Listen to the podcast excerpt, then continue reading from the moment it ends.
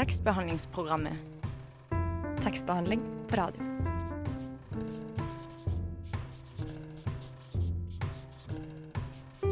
Tekstbehandlingsprogrammet.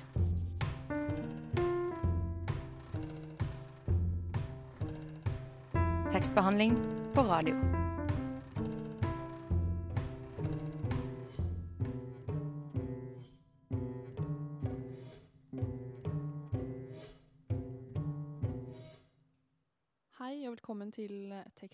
Tekstbehandlingsprogrammet. Eh, I dag er det onsdag, og vi er live fra Deichman.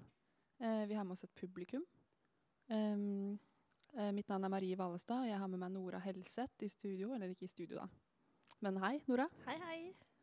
Ja, dette er veldig spennende. Det er, eh, vi har hatt to livesendinger allerede. Dette er vår tredje. Og fra og med i vår så skal vi ha én livesending i måneden.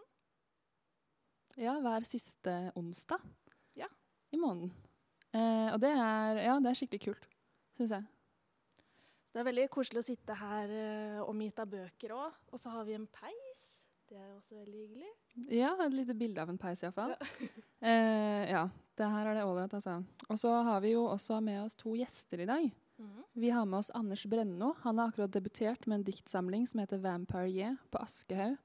Eh, jeg var på lanseringsfesten til den. den var veldig, jeg tror det kan bli veldig kult. Og så har vi jo en til gjest. Ja, vi har med oss førsteamanuensis Johan Szymanski, som skal snakke om hva gotisk litteratur er for noe. Mm, kanskje vi kan trekke noen linjer mellom diktene i 'Vampire og gotikken i gamle dager? Eller hva tror du? Kanskje det? Mm. Eh, så etter låta så skal vi snakke med Anders Brenno først. Men eh, Ekkolodd med gardintrapp på A-lista kommer nå.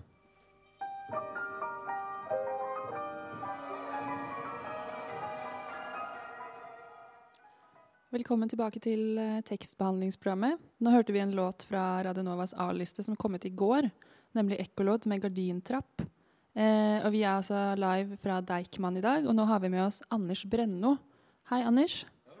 Eh, som akkurat har gitt ut en, eller debutert med en diktsamling, 'Vampire Ye'. Yeah. Og nå skal vi få høre to dikt. Mm. Mm. Først har litt voldsom tittel, 'Eye of Death'. Jeg sier 'Happy birthday, baby'. Du er den fineste jeg veit om. Du sier 'Du er bare smooth, babyboy'. Jeg sier 'Hvorfor det?' Du sier 'Fordi du ser meg og syns at jeg er sexy på innsida'. Jeg sier jeg har erotiske fantasier om følelsene dine. Du sier, jeg bryr meg ikke om åssen du høres ut, så lenge det er sant. Jeg sier, jeg kysser deg fordi du fortjener det. Du sier, kyss meg slik du forestiller deg det. Jeg sier, du er så smooth, du burde leve mer enn én gang. Jeg vil kysse deg for alltid. Jeg veit jeg ikke kan. Hvite blomster. Hvite blomster, baby. Om natta når ingen ser. Hvite blomster fra frø du sådde sjæl. I mjuk, tynn mark når hendene vant, og du visste siden første natt, da noe brast og jorda rant, at du måtte bli noe stilig som ikke kunne dø noe mer. Takk. Em, du har jo skrevet denne diktsamlingen, eller jeg var på lanseringsfesten, som jeg sa, og da sa du at du har skrevet denne diktsamlingen på bakgrunn av sterk kjærlighetssorg. Ja. Ja. Eh, og eh, redaktøren din, Nora Campbell, beskrev også prosessen din på lanseringsfesten om at du var veldig bevisst på de riktige bruken av elementene. At du, var liksom, du bruker jo klisjeer, og det er en klisjé i seg selv å skrive på bakgrunn av kjærlighetssorg, Mm. tenker jeg da. Men du bruk, virker som du bruker det veldig bevisst. De virkemidlene du velger å bruke, både dialekten og de liksom moderne uttrykkene, og den liksom veldig sterke måte, klisjeen kjærlighetssorg. Da. Og så lurer jeg på hva, hva er det du vil balansere, og hvorfor vil du Litt vanskelig spørsmål, kanskje, men hva er det du prøver å balansere? Det er jo altså For eksempel da, når du har kjærlighetssorg, du skal leve opp i Man, man har det litt kjipt, da. Så er det at når du skal skrive om den kjipheten, skal det på en måte være katarsis, holdt jeg på å si? Skal du leve oppe og komme gjennom lidelsene, eller, eller skal du liksom ha litt humor da, for å kunne, kunne leve litt oppi det? Og det blir en naturlig balanse òg, syns jeg, mellom humor og litt alvor. Uten at det er enten-eller. Boken din er jo oppdelt eh, etter tilhørende sitater. Det er bl.a. James Dean og. Mark Twain. Hvorfor har du gjort det slik? Jo, det er for at ok, jeg, jeg liker jo horror og vampyrer og det der, men jeg syns det er morsomt å kunne trekke inn andre ting som kan være vampire, da, på en måte. For når jeg skriver om vampyrer, så er det ikke nødvendigvis bare vampyrer med uh, hoggtenner og greier, men det er kanskje en holdning, en slags attitude. Og da er det å kunne ta inn andre ting i en vampyrkontekst. Som jeg syns er liksom litt, litt artig òg, da. Hva slags attitude er det du tenker på? Det er jo dette her eh, Jeg tenker litt Når man leser litt om vampyrlitteratur og gotisk litteratur, så har man litt lyst til å være Det er en slags frihet i det der. da Og det å kunne på en måte ha Som jeg skriver et eller annet sted, ha dødd én gang. Så er du på en måte gjennom det verste Det er en kamerat sa til meg i går at når han føler seg kulest, det er når det ikke er noe håp. Da har han det bra, da, på en måte. Så det er en slags holdning å kunne ha, det. En slags frihet. Ja, for du kommer litt inn på det med å være kul i diktene dine også. Mm. Um, blant annet så sier du at kule folk ikke angrer. Mm. Hva, hva vil det si å være kul? Det, det er et godt spørsmål. Det, det som er litt problemet på en måte kan bli når man skriver en sånn samling, det er jo lett at det blir litt sånn eh, Den eldre garde, vil jeg tenke. Da, liksom, det er litt vel kult. Det kan bli litt kleint å bli for kul, ikke sant? Så det er jo en sånn veldig sånn balanse. Man kan jo tolke etter det her som at uh, altså Jeg gjør jo litt narr av jenter og, holdt jeg på å si, i den jentene i boka mi. gjør jeg litt narr av, Men jeg gjør også litt narr av de mennene. For de prøver veldig å være kule, ikke sant? samtidig som det er en litt sånn nødvendighet for de òg.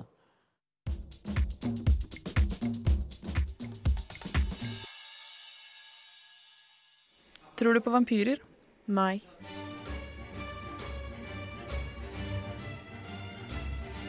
Tror du på vampyrer? Nei. Tror du på vampyrer? Nei. Tror du på vampyrer? Nei. Tror du på vampyrer?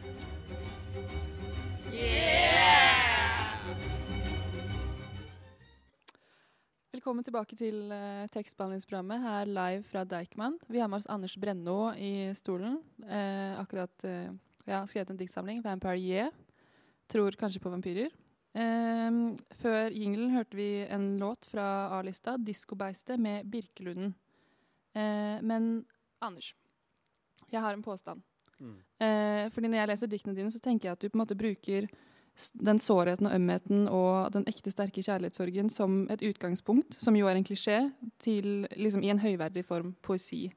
Eh, versus liksom dialekt, muntlig språk, B-filmer, kitsch og vampyrer, og liksom henslengt nevner ting som at kule folk ikke angrer, sånn som vi snakket om, og at eh, ømhet er noe cheesy.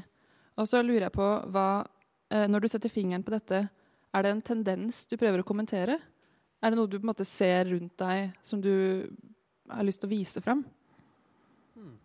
Ja, det, var, det var litt av et spørsmål. Det er uh, um, Ja, altså på en måte, Man har jo alltid liksom skrevet kjærlighetssonetter og, og sånn over, over kjærlighetssorg. Det er jo uh, uh, Jeg tror det var Aksel Sandemos òg som sa eh, død og kjærlighet er noe av det eneste som er verdt å skrive om.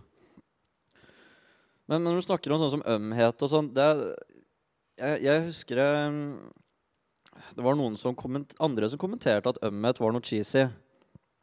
Og så tenkte jeg at det er jo en underforstått sannhet at ømhet er noe som er cheesy. Og så er det litt synd at det er cheesy også. Det er sånn Man har jo den derre ironien, da. Sånn, man, man skal alltid ha en eller annen slags ironisk distanse til ting. Til og med jeg har en litt sånn ironisk distanse i diktene mine. For å faktisk å gjøre det litt lettere å skrive om de om ting som er ø, vondt. Ikke bare for at det er emosjonelt vanskelig, men for at det ikke skal bli cheesy.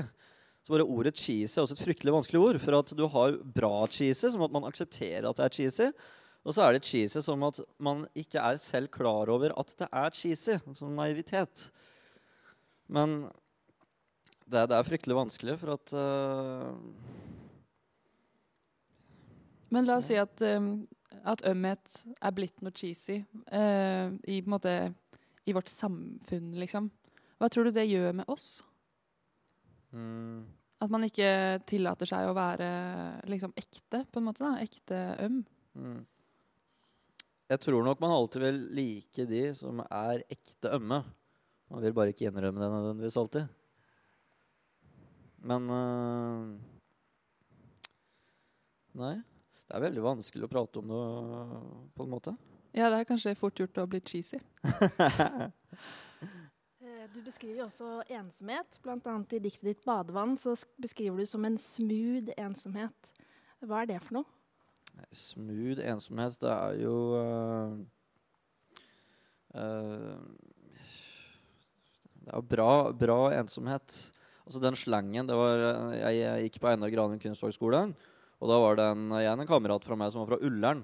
Han prata liksom veldig kult. Han bare Shit, jeg er smooth. Jeg så liksom brukte sånne ord. Jeg hata det i starten. Syntes det var så flåsete måte å uttrykke seg på. Men så etter hvert så tenkte jeg at det er interessant å kunne bruke en sånn måte å prate på i dikt. da. Så smooth ensomhet det er, jo, ja, det er jo veldig, veldig bra ensomhet, da. Uh, ensomhet er Du har jo solitude på engelsk. Det er jo sånn god ensomhet. Men man har ikke noe norsk ord for det nødvendigvis. Er det på en måte å klare å være um, Å klare å være alene Eller på en måte at man klarer å være alene uten å føle at man trenger noen andre for å være en hel person? Er det liksom Ja, en litt sånn Det er jo et slags mål, da. Ja. Og i den sammenhengen jeg beskriver den der uh, helten min, holdt jeg på å si, han er jo fryktelig avhengig av disse her vampyrene og andre. da. Han har jo så kjærlighetssorg. Så det blir også et sånt nødvendig behov da, for å kunne stå sterkt i den ensomheten. Og hvis du ser på de der uh, sånn goter og gotiske romantikere, de er jo like å være alene, ikke sant? Det er jo et, et mål. Uh, Schopenhauer mener vel også at uh, geniet kan bare være alene. Det er viktig å være alene. Ja, fordi det går jo på en måte litt imot Eller det eh, kanskje filmer og bøker ofte sier til oss, og sanger særlig, musikk sier til oss i dag, er at man må finne seg en til person å Ja, være med for å på en måte være komplett. Ja. Og det er jo Eller det, ja, det er det jeg syns når jeg leser Smooth eller Badevann, da. At det er på en måte det er det jeg tenker på. At å smooth ensomhet er å på en måte å gå litt bort fra det. For man klarer jo faktisk kanskje å være alene Ja. uten å ha det forferdelig, Ja. egentlig. Ja, jeg skjønner. det, det er så tullete at man liksom må være sammen med andre, men dessverre, det er ofte veldig nødvendig òg.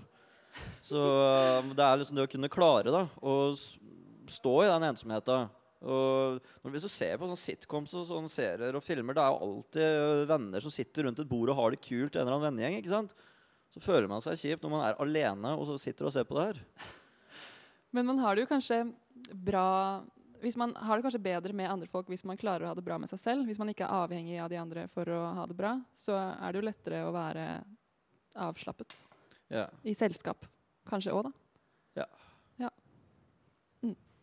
Eh, men eh, det jeg tenkte at skulle skje nå, da, er at fordi du har jo et, eh, flere prosjekter på gang enn Mm. bare denne diktsamlingen, og alt er litt sånn i samme ned samme gate. Du har jo bl.a. Uh, hatt en film på Høstutstillingen i 2013 som også heter 'Vampire Year'. Mm. Uh, og du har et band som heter 'Frankenstein in Love'. Mm. Uh, og kan, hva er dette? Det er um, Jeg har alltid vært glad i sånne, så, sånne pakker, da. Også hvis du på en måte ser Hvis du leser boka, så er det også morsomt å se filmen. Og så er det morsomt å høre musikken fra det samme universet. Sånn at du har forskjellige aspekter av det samme universet. Så er det at jeg har alltid likt å drive med mange forskjellige ting. Der jeg, kommer fra Bang i Valdres. Lita bygd hvor hvis du ikke henger på bensinstasjonen eller er ute og råner, så sitter du inne og driver med dine egne ting. I din egen eh, verden. Og ha noe å sysle med. Og da, da blir det at det er, det er morsomt å kunne uttrykke seg på mange forskjellige måter. da. Og ting man ikke får fram i dikt, det kan man få fram gjennom musikk, f.eks. Mm. Da, da passer det bra at vi skal, høre, vi skal høre en låt med 'Frankenstein in Love' nå. Og etter at vi har hørt den låta, så skal Nora ut eh, til publikum og stille noen spørsmål om eh, vampyrer og gotikk, så vi ser om vi finner ut av noen eh, påstander vi har, da. Men altså først Frankenstein in Love med Fem Fatal.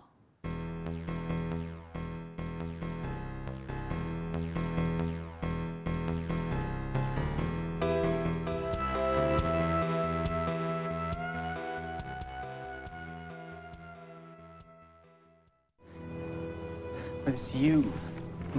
Your scent. It's like a drug to me. Like my own personal brand of heroin. Du hører på tekstbehandlingsprogrammet. Da er vi tilbake med tekstbehandlingsprogrammet fra Deichmanske bibliotek. Og nå skal vi spørre publikum noen spørsmål om vampyrer. Så da lurer jeg på, hva forbinder du med vampyrer? Um, jeg forbinder vampyrer med um, Twilight. uh, Edward Cullen, bleike menn, eiesyk kjærlighet, jomfruer. Så du, nå trukker du fram uh, moderne vampyrer, egentlig. Uh, det er det du har et forhold til. Hva med eldre, typ Dracula og sånn? Oi, da så jeg bare for meg masse svarte kapper og blod. Ja, det, man får jo mange forskjellige assosiasjoner til vampyrer, og de har jo strukket seg over lang tid, ikke sant? Eh, vet du hva gotisk litteratur er for noe? Nei, sikkert noe skummelt. Um, hva med deg? Hva forbinder du med vampyrer? Eh, Bram Stoker. Litt sånn eh, ja, vampyrer, sex, vold, blod. Vet du hva gotisk litteratur er for noe? Ikke så, jeg er ikke så kjent med gotisk litteratur. Da, det var spennende. Da, da får, men nå skal vi snakke med førsteamanuensis Johan Szymanski og få en litt eh, mer ordentlig innføring i hva gotisk litteratur og vampyrer er for noe. Det skal vi, men før det skal vi høre en uh, låt. Eh, vi skal høre Sean Cootie med Classical Orchestra Afrobeat. Låta heter 'Zombie'.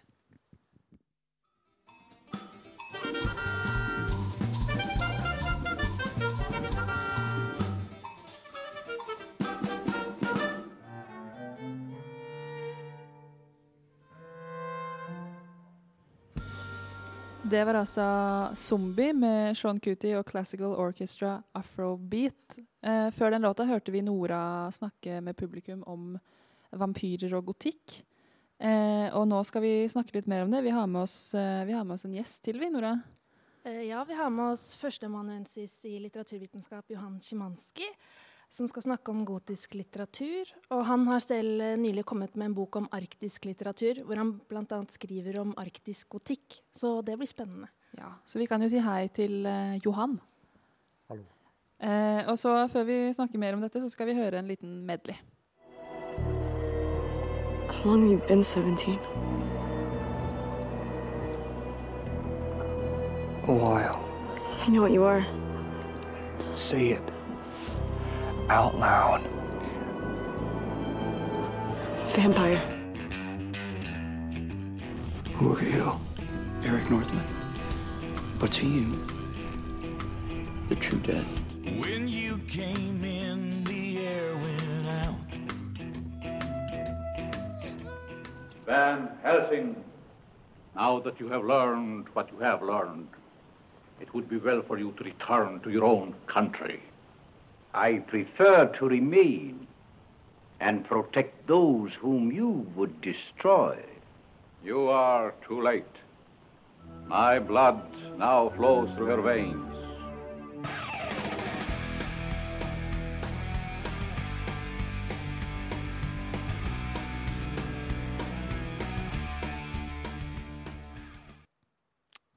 Det, da hørte vi litt eh, vampyr... eh, Litt forskjellige variasjoner av vampyrer i moderne film. Eh, og vi har eh, altså med oss deg, Johan Szymanski.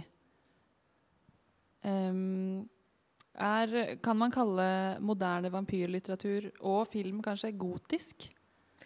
Ja, jeg tror det. Altså, det er blitt mer og mer vanlig å, å si at gotikken er, er, no, er et grep, en, en stemning eller, eller noe som går igjen. Eller det er mange varianter på gotikk som går igjen. Og for eksempel, eh, nevnte den, den, boken som jeg har skrevet sammen med Ulrikke Spring, en historiker, om, uh, om uh, en polarekspedisjon på 1870-tallet, og hvordan den ble, kom fram i litteraturen. Um, og der, uh, der fins bl.a. Uh, allerede den gang spøkelseshistorie sagt, sagt, lagt til Arktis. Og da kan man spørre seg hvordan har det seg at det kan finnes noe som heter arktisk gotikk. Det viser bare kraften i det, det begrepet, og det at, uh, at, diktere sånn som Anders i dag også skriver om uh, å bruke disse gotiske bildene. Um, og bruker dem med bestemte hensikter. Få fram det her med det kule, f.eks. ensomheten, uh, seksualitet osv. Det, det viser liksom noe av um, kraften i det her kulturelle formen som oppsto på 1700-tallet. Ja, kan du ikke fortelle litt mer om opprinnelsen til gotisk litteratur? Ja, altså um, Gotikk det er, jo et, uh, det er et engelsk term, egentlig gothic literature. Um, og det går tilbake til Det er som en, et ord som man henter fra middelalderen. For man har jo allerede på middelalderen sånn gotisk arkitektur. Um, og det går tilbake også til goterne, uh, som var et folkeslag. tidlig middelalder. Um, men på 1700-tallet, i reaksjon mot opplysningens rasjonalitets- og fornuftstro, så oppsto det noe som het følsomhetens epoke. Og da ble det mye mer vektlagt på emosjoner. Det ble, for eksempel, uh, det ble mye gråting i romanene, men det ble også etter hvert mye skriking. Fordi uh, man, det oppsto på, ja, altså på 1760-tallet så kom de første gotiske romanene. Og de, de handler om helter og heltinner som uh, forviller seg bort i fjerne strøk, gjerne Italia, et eller annet sted som er oppfattet som litt barbarisk ut fra et engelsk synspunkt. Um, og der blir de holdt fange i borgerruiner og treffer på spøkelser. Det er uh, familier som har arvelige problemer. Uh, det er uh, Og etter hvert vampyrer og andre vesener dukker opp. Da. Men uh, det her var en mani. altså Folk leser som bare og det gjør de også i dag. De leser jo vampyrromaner og ser på vampyrfilmer og ser på uh, forskjellige form for gotiske kulturelle uttrykk uh, på TV eller i, hører på musikk. Eller de til og med så utvikler de egne subkulturer, goth-kulturen, som kom på 1980-tallet, som var en variant av punken, som gikk tilbake til det gotiske. Um, alle ting viser hvor, hvor sterkt uh, det her fungerte. Og man kan si at i og med at man hadde en epoke, så ble det også en grep. Og den grepet ble jo gjentatt, og ofte på en klisjéaktig måte. Og, og, ble allerede da oppfattet som cheesy, tror jeg. Uh, fordi allerede samme år, uh, samtidig som uh, Mary Shelley skriver en fabelaktig roman, 'Frankenstein', um, så kommer også Jane Austen med hennes roman 'Northanger Abbey', som er en parodi på hele sjangeren gotikk. Men uh, hvorfor er det så mye vampyrer og monstre og spøkelser og sånn i gotikken? Hva er det de representerer? Ja, altså Jeg ser det på jeg tenker at uh, Gotikken er en veldig sånn mangslungen kulturell form. Det, det fins forskjellige aspekter som kommer fram. Og de har, for meg så tenker jeg ofte i form av i forhold til rom og kropp. På den ene siden så, så handler det her om stedet som er fjernt borte. og Der møter man det sublime, det opphøyde, det som er større enn oss, som man kan nyte på avstand. Det er skrekken som man kan nyte på avstand. Det er det grunnleggende, egentlig. Eh, det skrekkelige som man kan nyte. Og Det er derfor folk leser gotikk. Men, men så, det, så, så det handler veldig mye om landskap, men det handler også om vesener. Og det er vesen som er det skal vi snakke mer om uh, etter en låt, sammen med Brenno også. Det er veldig interessant. Men uh, vi må nesten høre en sang også. Vi skal høre enda en låt fra A-lista, nemlig 'Klangstoff' med 'Love or Sedate Me'.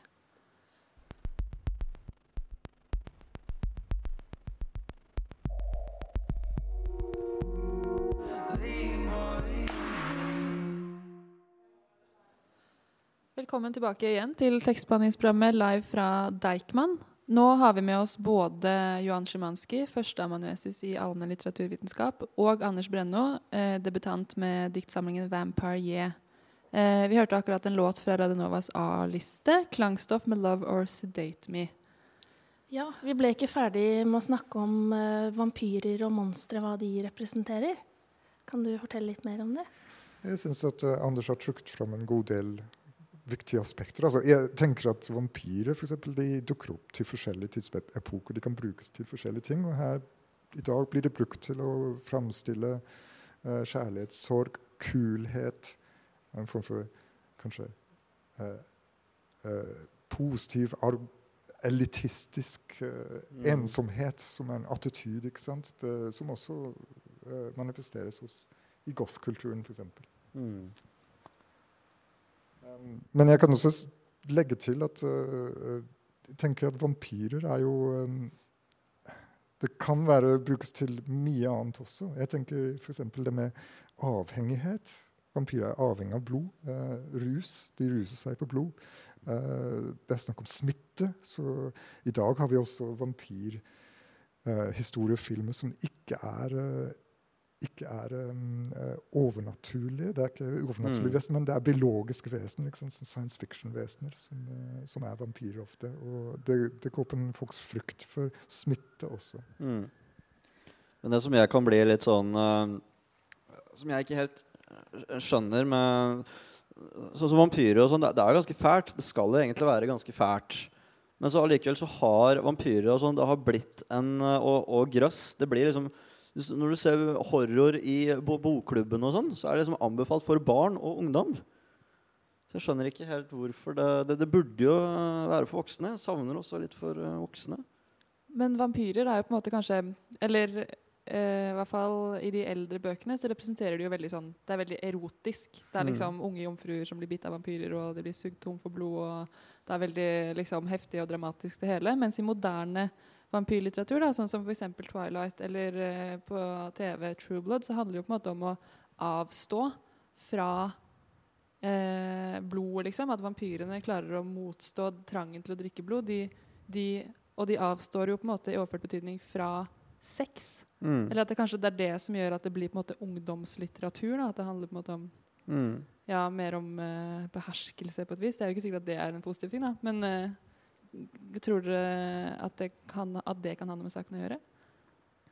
Det, det er jo litt rart, for er det ikke sånn da? Før så uh, Gotisk var litt, som litt sånn under Victoria-tiden. At man hadde de der uh, frigide jentene som liksom drømte om en sånn varulv, liksom beist f.eks. Bare kunne hoppe på dem og bare uh, Ja, ikke sant. Så, så, men nå er det liksom en sånn motsatt greie. Det er jo litt sånn paradoksalt. Så det er litt rart hvordan det har blitt sånn. Men eh, det er jo naturlig. Ja, Hvordan mener du eh, at gotikken har utviklet seg fra 1700-tallet og fram til nå? For eksempel, da? Ja, altså det, det, er så, det er en veldig stor felt, så det er veldig vanskelig å på en måte lage en ordentlig Det blir å skape en for mye sammenhengende fortelling som kanskje ikke fungerer. Men, men det er klart at du, du ser i forskjellige tider og epoker det har med sosiale forhold uh, at, at gotikken svarer til forskjellige bevegelsestanker. F.eks. den kvinnelige gotikken som, som eh, nådde sitt høydepunkt i 'Wuthering Heights', for eksempel, av Bronte. Eller, Mm. eller framover mot det, det, du sier, som er en kanskje litt mer sånn sosialdemokratisk eh, eh, Eller demokratisk, rett og slett. Demokrat, demokratisering av vampyren. Dem, vampyren er på en måte blir en postmenneskelig værelse som, som, eh, som skal også ha rettigheter, og som skal også oppfattes som, som en menneske. Eh, og, men må dermed disiplinere seg selv og bli til et menneske. Ja, hva er det, tror du, med gotikken som fascinerer oss fremdeles i dag? Jeg, nei, det er vanskelig å altså, Man er jo tilbøyelig til å si at alle At, at den nytelsen av skrekk at det er noe som ligger i oss. Det har noe med at vår eh, eksistensgrunnlag som mennesker osv. Men eh, det blir kanskje litt sånn ahistorisk å si det. Da. Det blir kanskje sånn essensialiserende at man sier at sånn er menneskets vesen. At de liker å høre skrekkhistorier. Uh, men samtidig så tror jeg at dag, vi ser i dag at stadig vi konfronteres hele tiden med nye bilder på hvordan mennesker skal være, og Mm. hvordan de kan være. Enten de kan være det, det, er sånn biomedisin, det er eh, forandring av menneskekroppen, det er terrorisme, det er alt mulig sånne ting som virker truende. Og jeg tror at, eh, at, at det blir en måte å overleve den typen virkelig frykt på, er å skape en form for fiksjonell frykt. Så litt behov også for uh, litt sånn dekadens. Liksom, vi skal jo liksom ha det så innmari bra i dag. Vi skal i hvert fall ikke være alene. Vi skal i hvert fall ikke ha det kjipt. Så eh, det er jo litt det. Og så er behov for frihet for at ting er veldig sånn eh, restrained, holdt jeg på å si. Du eh, lever kanskje i et litt sånn kontrollert samfunn. Så Det er en litt paradoks, fordi mange mye gotiske fortellinger handler om det å være fanget. Å Ja. være liksom innfanget. Eh, hva tenker du om det, Anders? Jo, uh, jo for det er på en måte Det er litt sånn ambivalent, dette med å, det å skulle være vampyr. Man er jo veldig fanget i seg selv som vampyr, men så er det også dette med at ingen, det er veldig få vampyrer som har det kult, egentlig. Sånn som I Anne Rice så er de ganske deprimerte og eksistensielle angst og greier. men... eh, så de, de er jo fanget, det òg, men man har jo det behovet for eh, frihet. Så eh, nei, det annet å si. Dette er så interessant, men vi må nok i hvert fall runde av nå, dessverre. Eh, vi skal høre en siste låt, 'Plucking Wings' med Back fra A-lista, og så kommer vi tilbake etterpå.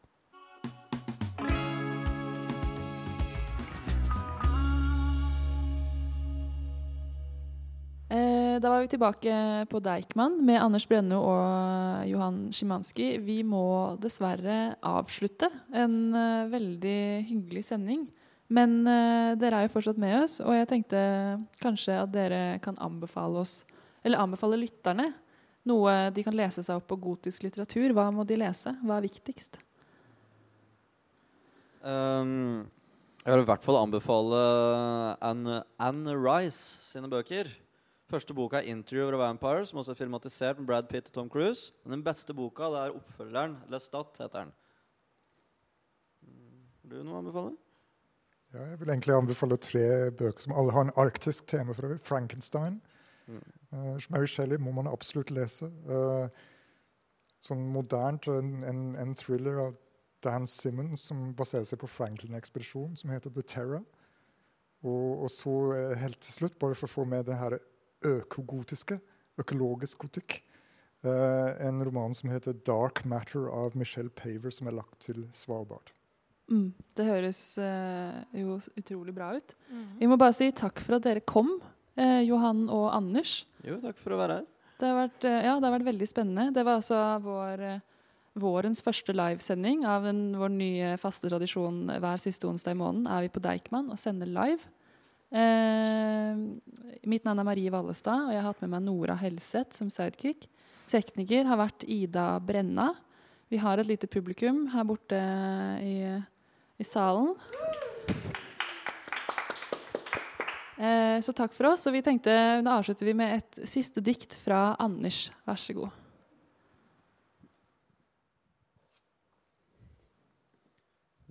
Det heter 'Sometimes'. Du kommer til meg når varme ikke lenger betyr noe. Når hendene har slutta å drømme, og du er ferdig med å se deg tilbake. Du slukker lysene ett for ett. Snart er jeg murt inne av mørket. Like greit å lukke øynene, så blir det mørkt med en gang. Når du er iskald, baby, så og så mange fot under, mens du smelter innvendig i små porsjoner, og du ser på meg uten spor av ømhet. Til siste ord er stillhet, og vi begge veit at sometimes it's time to be a vampire. What we did is done. But I will never kiss you, Spike. Never touch you. Ever. Ever again. Du hører på tekstbehandlingsprogrammet.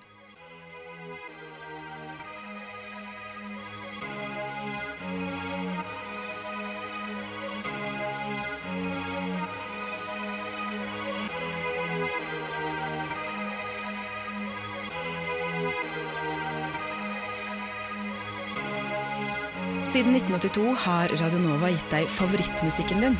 Før du visste at du likte den.